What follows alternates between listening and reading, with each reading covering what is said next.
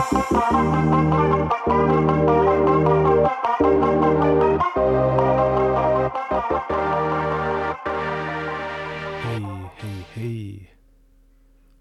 to Hot Tea of Fantasy. Тэгээд сайн мэцгэнэ намайг хүлэн гэдэг. Одоо спортын шинэ үйлрэлүүд ер нь эхэлж үнийгээ дагаад фэнтези тоглодог хүмүүсийн хувьд тухайн спортоосоо дутхгүй хүлээдэг нэг зүйл нь бол мэдээж фэнтези байгаа. Миний хувьд одоогор NBA фэнтези, NBA Yahoo фэнтези болон Премьер лигийн фэнтези тоглож байгаа. Ялангуяа NBA фэнтезиг бол 4 5 жилийн өмнөөс анх тоглож эхлээд одоо 2 3 жилийн өмнөөс илүү тэгж бүр донтож те судалж тоглож ирсэн байгаа. Энэ хүү подкастыг яагаад эхлүүлж байна вэ гэхээр фэнтези тоглогч нарт фэнтезигийн мэдээ мэдээлэл зөвлөгөө гэх мэт зүйлүүд маш хэрэгтэй байдаг л да. Тэгээд би бас өөрөө нэг бид тийм болохоор тухайн хүмүүст зориулж те тухайн хүмүүс нэмэр болох үүднээс бас энэ хүү подкастыг эхлүүлж байгаа. Тэгээд 7 хоног болгон шин шин дугааруудыг гаргаж явах төлөвлөгөөтэй байгаа.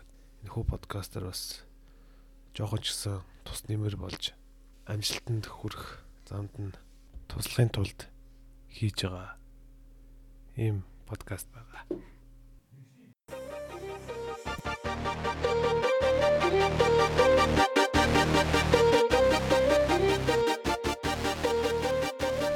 За ингээд NBA Yahoo Fantasy-гийн эрх үйлрлийн Sleepers буюу дутуу үнэлэгдэж байгаа тоглогчдыг энэхүү дугаараар танилцуулнаа. Тэгээд энэхүү дугаараар болохоор яг 10 тоглогчийг сонгож авч танилцуулах байгаа. Тэгээд энэхүү 10 тоглогчтой яг эренблээгүй зүгээр хувьдаа эрх үйлрлийн Sleepers болж магадгүй 10 тоглогчийг сонгож авч ярих байгаа.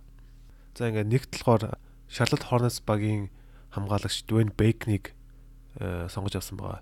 Яагаад Dwayne Bacon-ыг сонгож авсан бэ гэхээр өмнөх 100 одоо Charlotte Hornets баг франчайзын түгэндх одоо хамгийн агуу тоглогчдын нэг болох Kemba Walker Walker алдсан байгаа. Тэгээд Kemba Walker-аас гадна мөн онооны бас хоёр дахь лидер байсан Jeremy Lamb мөн алдсан байгаа.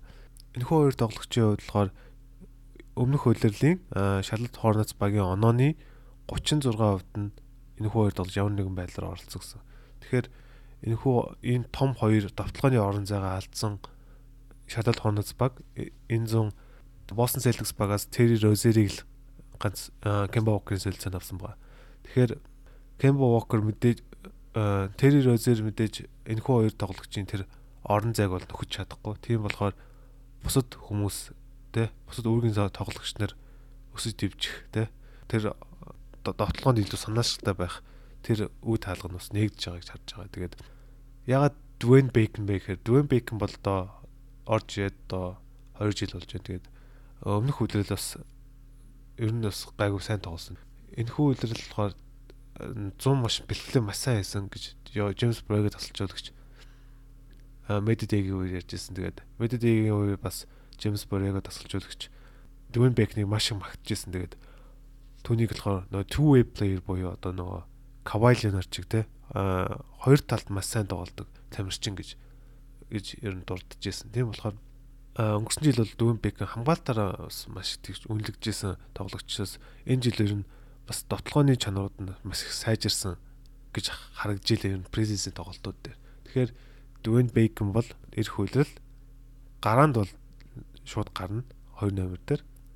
Тэгээд мөн довтлооны үзүүлэлтүүд шидэлтүүд бас сайжирж байгаа болохоор довтлогоо ер нь оноо гайгүй аавна мэдээж хамгаалалтын үзүүлэлтүүд мэдээж гайгүй сайн харж байгаа. Тий. Тэгээд өмнөх хөлөлийн статистикийг зүгээр харах юм бол 7.3 оноо 2.1 самбар 1.1 дамжуулт гэсэн дараахан статистикийг үзүүлсэн. Мэдээж сэлгээс гарч ирсэн. Ер нь энэ жил ер нь 30-аас дээш минут ер нь тоглоно гэж ер нь миний хувьд харж байгаа. Тийм болохоор Дүүн Бекнийг бол их олон лигүүдэд, фэнтези лигүүдэд хогон дээр байлаа. Тэгэхээр хүмүүс Дүүн Бекнийг маш сайн ажиглаж агаад ер нь авах хэрэгтэй гэж хувьдаа бол зөвлөх байна. За ингээ 20 дугаар байранд болохоор Вашингтон Wizards багийн big man Thomas Bryant-ийг онцсон байгаа. Thomas Bryant-ийн хувьд болохоор анх NBA-д орж ирэхдээ Lakers драфтлагдчихсэн. 3 жилийн өмнө шиг санаж байна. Тэгээд Lakers бол үнэхээр тоглох минут бол олдоогүй л дээ. Тэгээд тоглож чадахгүй байжгаад багаас хасагдаад тэгээд үнийг нь болохоор Washington Wizards баг түнд боломж олгоод авчирсан байгаа. Тэгээд өнгөрсөн жилийн хувьд болохоор яг бас сайн тоглосон. Ялангуяа All-Star Break-ийн дараа бол Thomas Bryant-ийн тоглолт бол үнэхээр сайн болсон. Үнэхээр өөртөө ихтэй. Үнэхээр тийм даран гоё гэж ярьдаг тий. Тим тоглолтыг нь Thomas Bryant үзүүлж ирсэн. Үүний нэг жишээ нь болохоор өнгөрсөн жил будагтад бод бөмбөг авсан тохиолдлоо оноо болгосноор лигт 3-т орсон тим айхтар үзүүлэлтийг Thomas Bryant үзүүлсэн байгаа. Тим болохоор ч тэр тэр энэ зам 3 жилийн 25 сая долларын гэрээг бас Вашингтон Wizards багт хийж чадсан болохоор Вашингтон Wizards баг түүнийг ирээдүгөө гэж харж байгаа. Бас нэг хэлбэр гэж харж байгаа. Тэгээд өнгөрсөн жилийн статистикийг харах юм бол 10.5 оноо 6.3 самбар 1.3 дамжуулалт 0.9 хаалт гэсэн үзүүлэлтийг үзүүлсэн. Ер нь гайг үзүүлэлт. Тэгээд All Star Break-ийн дараагийн зөвхөн авч үзэх юм бол маш сайн үзүүлэлт байгаа. Тий. Тэгээд сая бас мөн Princess-ний тоглолтыг харж байхад Вашингтоос Вашингтон Wizards багийн хувьд Брэдли Биллийн дараа орох хоёр дахь лидер Томс Майнд болцсон юм байна гэж харагдж илээ. Тэгээд 3-аас маш сайн шиддэг болсон. Сая бүтэн сайн дуусан тоглолтын дээр болохоор 4 удаа 3-аас хийж 17 оноо 5 самбар авсан билээ. Тэгэхээр энэ үйлрлийн хувьд ер нь Томс Майнд өрсөлдөх тамирчин байхгүй. Сэлгэнд нь Ям Хими байгаа. Тэгээ Ям Химиг бол мэдж байгаа. Гимтлээс салдаггүй тамирчин болохоор Томс Байнд бол энэ үйлдэл үнэхээр тийм нөгөө break out гэж ярьдаг. Өөрийгөө нээх тамирчин гэж харж байгаа. Тэгээд энэ үйлдэлийн фэнтезигийн эренбэн болохоор 68 дөрнөл эренблэгдсэн байлаа. Тэгээд Томс Байндыг ер нь 4 юм уу 5 дээр 40 дээр 50 дээр авахд ер нь буруудахгүй бас сайн сонголт болно гэж харж байгаа. Тэгээд 30-аас дээш минутыг дундчлах байх гэж харж байна. За ингээд гуурт болохоор SGA буюу Gilgis Alexander-ыг онцлсан байгаа. Тэгээд Gilgis Alexander-ийн хувьд болохоор энэ жилийн фэнтези эренбэн болохоор 67-д эрэмлэгдсэн байлээ. Тэгээд 67 бол ер нь яг л өөрийнх нь гэж хувьдаа хараад байгаа. 50 эдэр ч сонгоход ер нь алдахгүй тамирчин гэж хувьдаа харж байгаа. Тэгээд өнгөрсөн жилийн драфт Кентагигаас орж ирсэн. Кентагигаас бас Лос Анжелес Клиперс бол 11-ээр сонгогдож бас тухайн үед бас нөгөө маш сайн тоглож хойгоор авчлаа гэж ярьж исэн. Яг өнгөрсөн жилийн Clippers-ийн тоглолтыг харж байхад ер нь батлагдж ийл. Тэгээд Shaggy Alexander-ийн хувьд болохоор өөрөө их өндөр болохоор нэгээс 3 барил тоглох чадвартай. Тэгээд бас хамгаалт сайтай.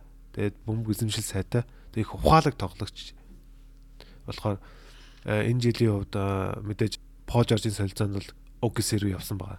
Тэгэд OKC-д болохоор одоо Крис Боллон Денис Шрёдер гэсэн хоёр сайн холбогчтой цуг байгаа болохоор бас хүмүүсийн санаа зовж иж магадгүй. Гэхдээ санаа зов шаардлагагүй. Пресенсийн тоглолтыг эхний лав пресенсийн тоглолтыг харахад Крис Пол, Денис Шрёдер, SJ гэсэн гурав шууд гураад гараанд гарч илээ. Тэгэхээр SJ бол нөгөө хэд байсан ч гэсэн гараанд гарах юм байна гэсэн хувьдаа зүгээр бодоод байгаа. Тэгээд Крис Боллон, Денис Шрёдрийг ер нь бол OKC таандар бол тэр салахыг нь ирмэлцэж байгаа. Тэгээд ер нь энэ хоёрын нэгийг ер нь өвөлдөө ер нь бол салчих байх гэж удаад байгаа. Тэгээд магадгүй Денис Шрёдрийг илүү тоглуулж байгаад илүү өнийг хөөргөж байгаад сольчих гээд байна уу гэсэн зүгээр нэг хараал байгаад байна тий. Тэгээд Princess-ийн тоглолтуудыг харж байхад ер нь OKC-гийн хувьд дараагийн лидер, дараагийн тий одоо ирээдүгөө гэж авч үлдэх нэг тоглолт шиг мэдээж SJ байлээ. Тэгээд Presence тоглолтууд дээр бас сайн байсан. Тэгээд 24 оноо 4 самбар 1 ассист 1 блок гэх мэт маш сайн үзүүлэлтүүдийг ер нь үзүүлж ирсэн. Тийм болохоор дараа үйлрлийн хувьд SJ 67-оос илүү 67-д ирэмблэгдсэнээсээ илүү тоглолтыг ер нь үзүүлнэ гэж харж байгаа. За ингээд дөрөвдүгээр байранд болохоор аа Kevon Looney-г онцлсан байгаа. Golden State Warriors багийн самбын тоглогч. Дүүнигийн хувьд болохоор энэ жилийн Yahoo Fantasy-гийн эренбээр 151-т ирэмлэгдсэн байлаа. Тэгээд Kevin Looney-гийн хувьд өнгөрсний жилийн статистик бол 6.3 оноо, 5.2 самбар, 1.5 дамжуулалт гэсэн статистик үзүүлсэн байгаа. Тэгээд яагаад Looney вэ гэхээр мэдээж Golden State Warriors баг энэ зам маш их сайн шинжилгээг ер нь хийж чадсан шүү дээ. Мэдээж KD явсан, тэ, EG явсан, Livingston явсан гэдэг ч юм уу те. Тэгээ мэдээж Клэ гимцэн гих мэтэнд маш их өмнөх авраг багийн бас тэр олон тоглогч нар нь явсан. Тэгээд бас олон шин залуучууд ирсэн хөлөл болсон байгаа. Лүний болохоор юунд энэ зам болохоор Golden State Warriors баг самбын тоглогчоор хэнийг Willie Cauley-Stein-ыг Sacramento Kings-аас авч чадсан байгаа. Тэгээд яг хуу Willie Cauley-Stein-ыг бодох юм бол Cameron Looney-оор илүү хамгаалалттай Тэгээ илүү дутуу юм хийдэггүй. Маш их нөгөө багийн баланс их тохирсон багтыг маш их хэрэгтэй төвийн тоглогч. Тэгээд өөр Стив Гэр өөр Кавалонд маш их дуртай л да. Тэгээ тийм болохоор Кавалоныг энэ жил нэлээд их минут тоглох байх гэж хараад байгаа. Тэгээд тэр чинээгээр статистик нь бол мэдээж өснө гэж хувьдаа хараад байгаа. Мөн Медедэгийн үеэр болохоор Вилли Коллинштайн болохоор сууд хаягтай ирсэн байлээ. Тэгэхээр бас гимтэл нь бас нэлээ хүнд байгаа мó гэж хувьдаараад байгаа. Лавдаг л одоогийн уншаар бол 10 сарыг үл өнжин гэсэн тийм прогнозтой байлаа. Тэгээд цаашдаа яахыг бол сайн мэдэхгүй байна. Гэхдээ Камон Лоуний хувьд ер нь сайн тоглох байх, ер нь бэкаут их байх гэж хараад байна. Одоогор бол хамстингийн гимтэлтэй байгаа боловч өдрөл эхлээд ер нь бол хамаагүй гараанд гараад тоглож байх гэж харж байна. Вилли коллеж таныг ирэхээс өмнө бол За ингээд 5 дугаар болохоор Atlanta Hawks багийн SF Deandre Hunter-ыг онцлсан байгаа. Тэгээд Virginia-гаас энэ жил драфтаар драфтын дөрвөөр орж ирсэн. Энэ залуу 164-т Yahoo Fantasy дэрэмлэгдсэн байгаа. Тэгээд э, Deandre Hunter-ыг яагаад онцсон бэ гэхээр Deandre Hunter маш сайн хамгаалттай тамирч байна. Тэгээд дээрэс нь бас ухаалаг тоглогч. Дээр нь мөн энэ 100 маш сайн бэлтгэлийг хийсэн энэ Призисийн тоглолтууд дээр бол маш их сарагдчихсан. Тэгээд нөгөө 3 3 шийдэлт бол маш сайжирсан байсан шүү дээ. Тэгээд нөгөө нэг зарим одоо NC-гээс орж ирж байгаа тамирчид эхний жилдээ юм уу хоёр хоёр дахь жилдээ 3-ын 6-аас нь хол ойр байдаг болохоор MB-д их тасч өгдөггүй те шийдэлт нь унж өгдөггүй арай холдоод байдаг ийм асуудал байсан бол Дендри Хантын хувьд бол ямар ч асуудал байхгүй нь ер нь шууд харагдаж ил.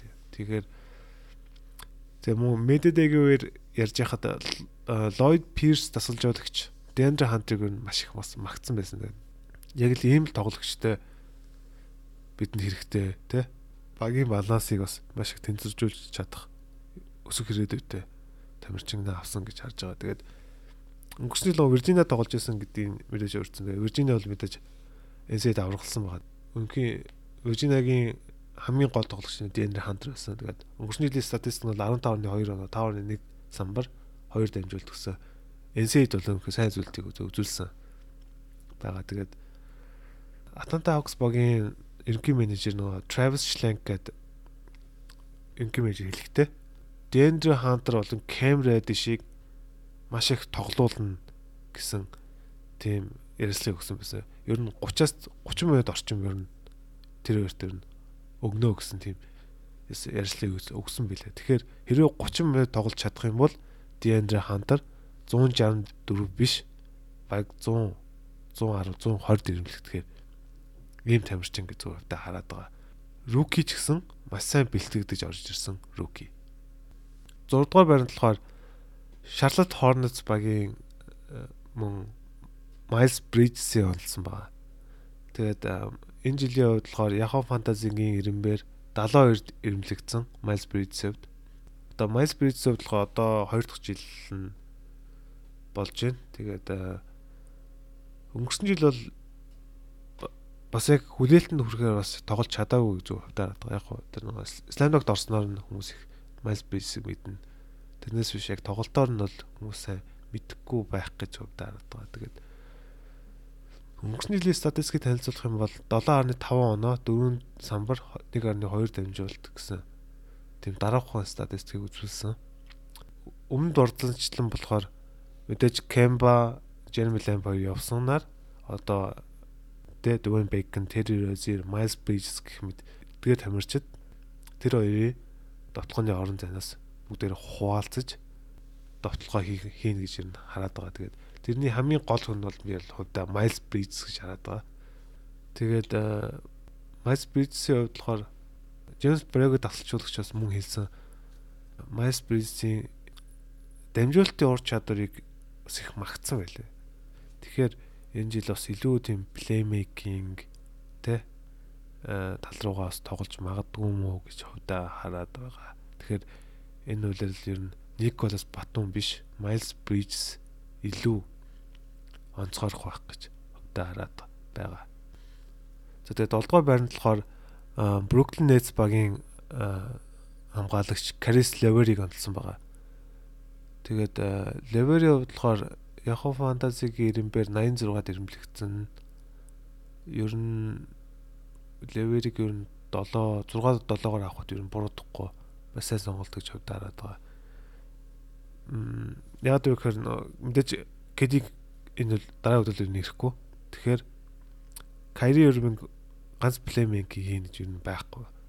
Нэцийн дасалжуулагч мөн бас ярихдаа илүү Кайриг илүү тийм бөмбөггүй тоглох илүү Карис Леверг илүү плеймейкинг хийлгүүлж өөрөнгөийг илүү бөмбөггүй оноо төвхтөр тоглуулах төлөвлөгөөтэй байгаа гэсэн тийм бас нэг ярилцлагыг бас унсан. Тэгэхээр Карис Левер өөрт нь бөмбөг байх юм бол маш аюултай, маш хэрэгтэй тоглогч. Тэгээд өнгөрсөн жилийн статистикийг харах юм бол 13.7 оноо, 3.8 самбар, 3.9 дамжуулт 1.1 стил гэсэн бас сайн үзүүлэлтийг үзүүлсэн байгаа. Тэгээд Лавери нэг давуу тал нь бол мэдээж гол 3 статистик гэж ярьдаг. Оноо, самбар дамжуултыг нь сайн авдаг. Тэгээ мөн бөмбөг сайн эзэмшдэг, бөмбөг их эзэмшдэгч гэсэн turnover их багтай тамирчин болохоор ер нь фантазид ер нь маш хэрэгтэй байдаг байгаа. Тэгээд э, мэдээж lever энэ зам мэдээж Nets болон lever тохиролцоонд төрж 3 жилийн 50.5 саяыг гэрийг үзүүлж чадсан байгаа. Тэгэхээр lever-ийн хувьд ер нь э, би бол зүгээр хувьдаа Brooklyn Nets-ийг нэг од их үлэр нэг одтой биш хоёр одтой гэж хувьдаа хараад байгаа. Garis lever хоёр дахь од нь байж чадна гэж хувьдаа хараад байгаа. Тэгээд Пресенсийн тоглолтууд үнийг баталж яасан те маш сайн тоглож байсан. Сая сүүл тоглосон нөгөө Лекстэй хийсэн, Хятад хийсэн, Лекстэй хийсэн тоглолтын дээр 22 оноо 11-ээс 8-ыг амжилттай болгож 5 самбар, 3 ассист, 3 стил хийж Лексийг хоцсон байлээ. Тэгэхээр Харрис Левер энэ жил ер нь бол онцгой жил гэж хувьдаа харж байгаа. За ингээд 8 дугаар байранд болохоор Dallas Mavericks багийн хамгаалагч Dylan Wright-ыг онцлсан байгаа. Тэгээд Dylan Wright-ийн Yahoo Fantasy-гийн бодлого 92-нд ирэмлэгдсэн. Бас арай доогуур үзүүлэлт юм болоо гэж бодоод байгаа. Dylan Wright бол илүү тийм нөгөө Embiid орж ирсэн цагаасаа л ер нь underrated буюу одоо тийм дутуу үнэлэгдсэн тоглогч байсан. Яг өөр хин чадах те багтаа тусуулж байгаа үр нөлөө нь бол тэр үнэлэгдэж байгаасаа илүү илүү л гэж бодоо би зүгээр боддог байхгүй. Тэгээд мэдээж Dylan Wright-ийн хувьд одоо маш гоё хоёр залуу дээр ирж байна те. Kristaps Porzingis болон Luka Doncic дээр. Тэгэхээр энэ хоёрын холбогч хийж тоглоно. Яг мэдээж Luka Doncic илүү бөмбөгтэй, илүү плеймейкинг хийх байх. Гэхдээ Dylan Wright-ийн хувьд аа Luka-ро бөмбөгийг гаргаж өгдөг те. Илүү тоглолтыг найруулдаг холбогчтой. Тэгэхээр ер нь маш сайн зохицох байх гэж удаарад байгаа. Тэгээд Dylan Wright бас нэг гэрээний нэг онцгой заалт байгаа нь болохоор хэрвээ MIP буюу нөгөө э, most improved player-ыг авах юм бол э, бонустай гэсэн тийм заалт э, хийж өгсөн болохоор Dallas Mavericks баг Delaware White нэлийн юм ихтгэл хүлээлгэж байгаа юм болоо. Тэ ирэх үлрэл нэлээ олон минутыг өгөх юм болоо гэж хувьд хараад байгаа. Тэгээд Delaware White мэдээж онцлог нь болохоор мэдээж стил сайтай. Гураа шидчихдэг. Тэгээд мөн сайн блок хийдэг буюу хамгаалалт маш сайтай ямар ч. Тэгэхээр одоо дамжуултууд өснө, хамгаалтын үзүүлэлтүүд байна. Тэ? Тэгэхээр үр дүнтэй довтлохонууд байна гэдэг утгаараа Dylan Wright-ыг хувьд болохоор Sleepers гэж зөв хувьд хараад байгаа. Тэгээ өнгөрсөн жилийн статистикийг харах юм бол 8.7 оноо 3.5 дамжуул 3.3 ассист 1.2 стил гэсэн. Ер нь сайн үзүүлэлтийг Memphis өнгөрөөсөн. Тэгэхээр энэ жил бол энэсээ ч илүү тоглох байх гэж зөв хувьд харж байна. За ингээд 9 дугаар байранд болохоор Portland Trail Blazers-ийн Big Man Zach Collins-ыг онцлсан байна. Зак Коллинсгийн NBA Yahoo Fantasy-гийн ранк нь болохоор 140-д ирэмлэгдсэн байгаа. Зак Коллинсийн хувьд болохоор 140 гэдэг бол үнэхээр байж боломгүй үзүүлэлт гэж би хувьдаа бодоод байгаа байхгүй. Би одоогор ер нь хоёр фантазид драфт хийсэн байгаа. Би хоёулын дээр Зак Коллинсыг авсан. Яагаад вэ гэхээр Портландын хувьд болохоор энэ жилийн энэ зуны солилцоогоор маш олон тоглогчдыг ер нь явуулсан байгаа. Жишээлх юм бол Альфрик Амино, Мо Харклес, Мерс Леонард гэх мэт дандаа гараанд гарч ирсэн те. Эсвэл 6 дахь тоглож байгаа гарч ирсэн.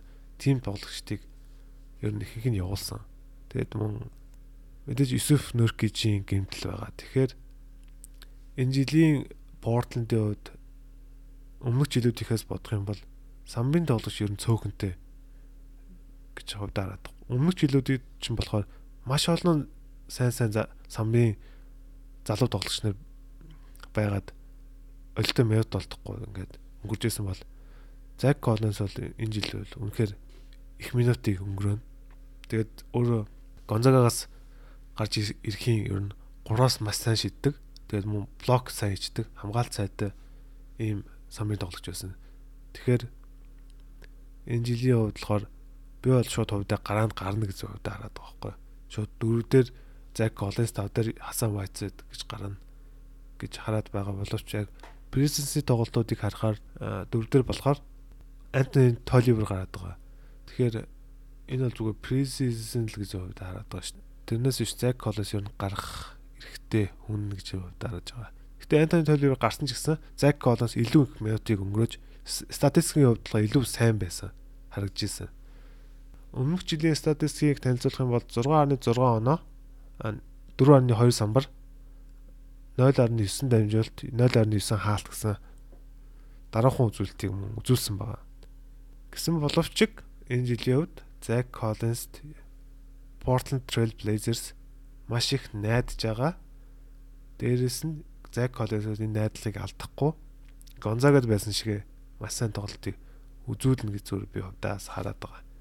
Тэгээд нэг Presence-ийн тоглолтын статистикийг танилцуулах юм бол 16 оноо 7 самбар 5 ассист 2 блокийг 24 минутанд Сан Сесрийг үзүүлсэн гэсэн сайхтар сайн үзүүлэлтийг үзүүлсэн байсан. Тэгэхээр Зак Коллинсыг 140-оор эрмэлнэ гэдэг бол үнэхээр утгагүй.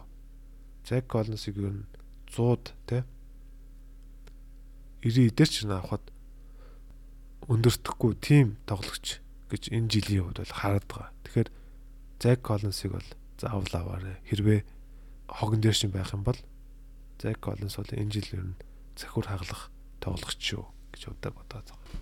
За ингээ 10-т хамгийн сүүлд болохоор Brooklyn Nets багийн мөн Тавран Принцийг онцлсан байгаа.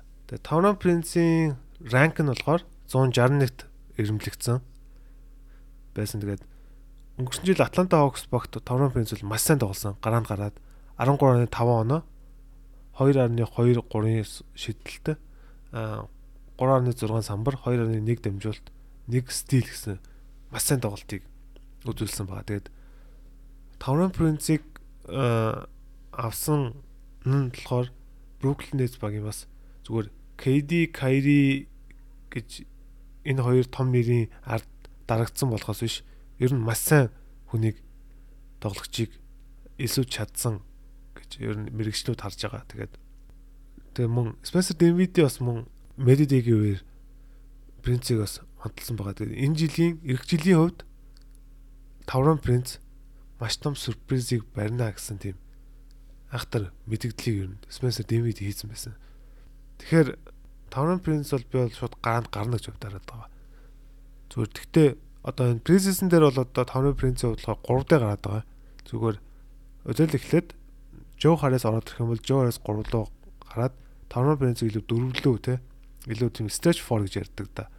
Илүү тийм шидэлтэй оролттой тим дөрөв номерт ашиглах байх гэж удаа би хараад байгаа. Мэдээж KD байхгүй болохоор. Тэгээд Тавран принцийн хувьд энэ пресизнэр маш их яригдж байгаа, маш их өнгөтэй байгаа нэг тоглогч бол Тавран принц штэ. Тэгээд пресизний эхний тоглолтондоо 3 номертой гараанд гараад 10-аас 8 удаа оновчтой давталсан 22 оноо 4 самбар 1 ассист 1 стил тэгээ бүр 0 turnover-ыг хийсэн гэсэн айхтар үзүүлэлтийг үзүүлсэн байсан. Тэгэхээр Таврын принцийн хувьд 161-ээр ирэмблэнэ гэдэг нь үнэхээр утгагүй. Таврын принцийн яг одоо жинхэнэ ирэмбэн болохоор би бол хувьдаа 120-д 130-д гэж удаарад байгаа. Тэгэхээр хэрвээ Таврын принц хог дээр ч байх юм бол заавал авах тоглогч Тавран Бенс ирэх үлрэл ер нь сюрприз барина гэдэгтээ би Spencer Dinwiddie-ийн хэлсэнтэй ер нь санал нэг байгаа. Тэгэхээр Тавран Бенсийг ер нь заавал ажиглаж явах хэрэгтэй. Хойгоор хамгийн сүүлийн сонголтуудаар Тавран Бенсийг хэрэг авсан бол үнэхээр азтай стилийг хийж чадсан гэж хувьд хараад байгаа.